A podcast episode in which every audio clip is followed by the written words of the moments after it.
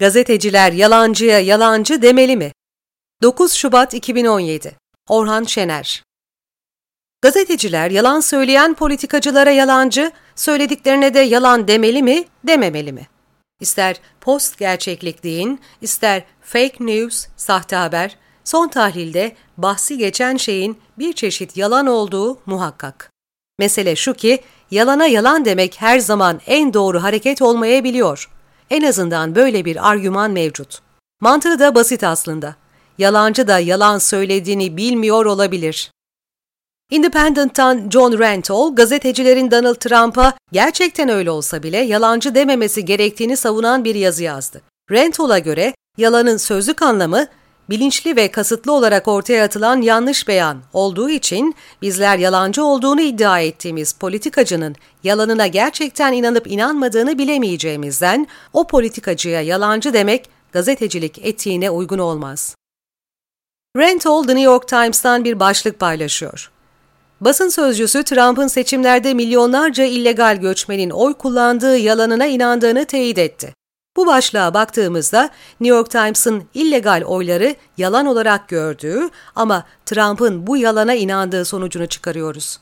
Yukarıda verdiğimiz sözlük anlamını hesaba kattığımızda ise tanım gereği Trump hem söylediği şeye inanıp hem de yalancı olamaz.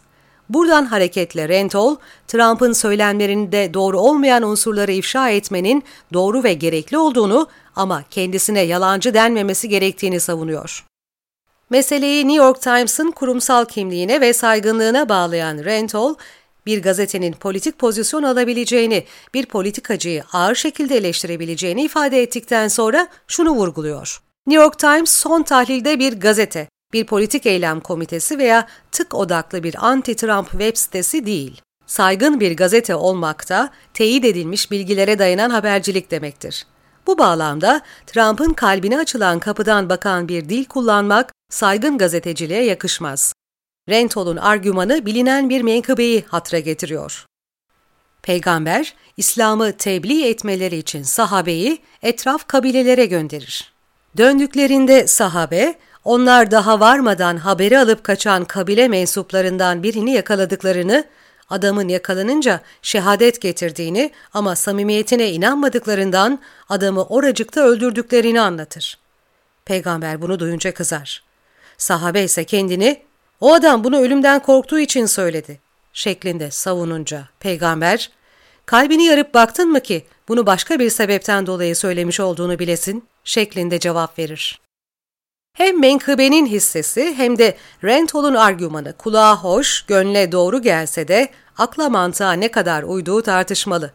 Bir yandan gerçekliğin bu kadar sulandırılmış olmasından şikayet ederken, diğer yandan da yalana yalan, yalancıya yalancı diyememek, bunu yaparken de semantik argümanlara sığınmak ne kadar doğru tartışmaya açık. Görünen o ki önümüzdeki yıllar gazeteciliğin tanımının ve değerlerinin baştan ele alındığı bir dönem olacak. Bu süreçte küresel merkezin çok dışında kalmaya başlayan Türkiye'nin gazetecileri ve entelektüelleri bu tartışmaları ucundan da olsa yakalayabilmeli ve katkıda bulunabilmeli.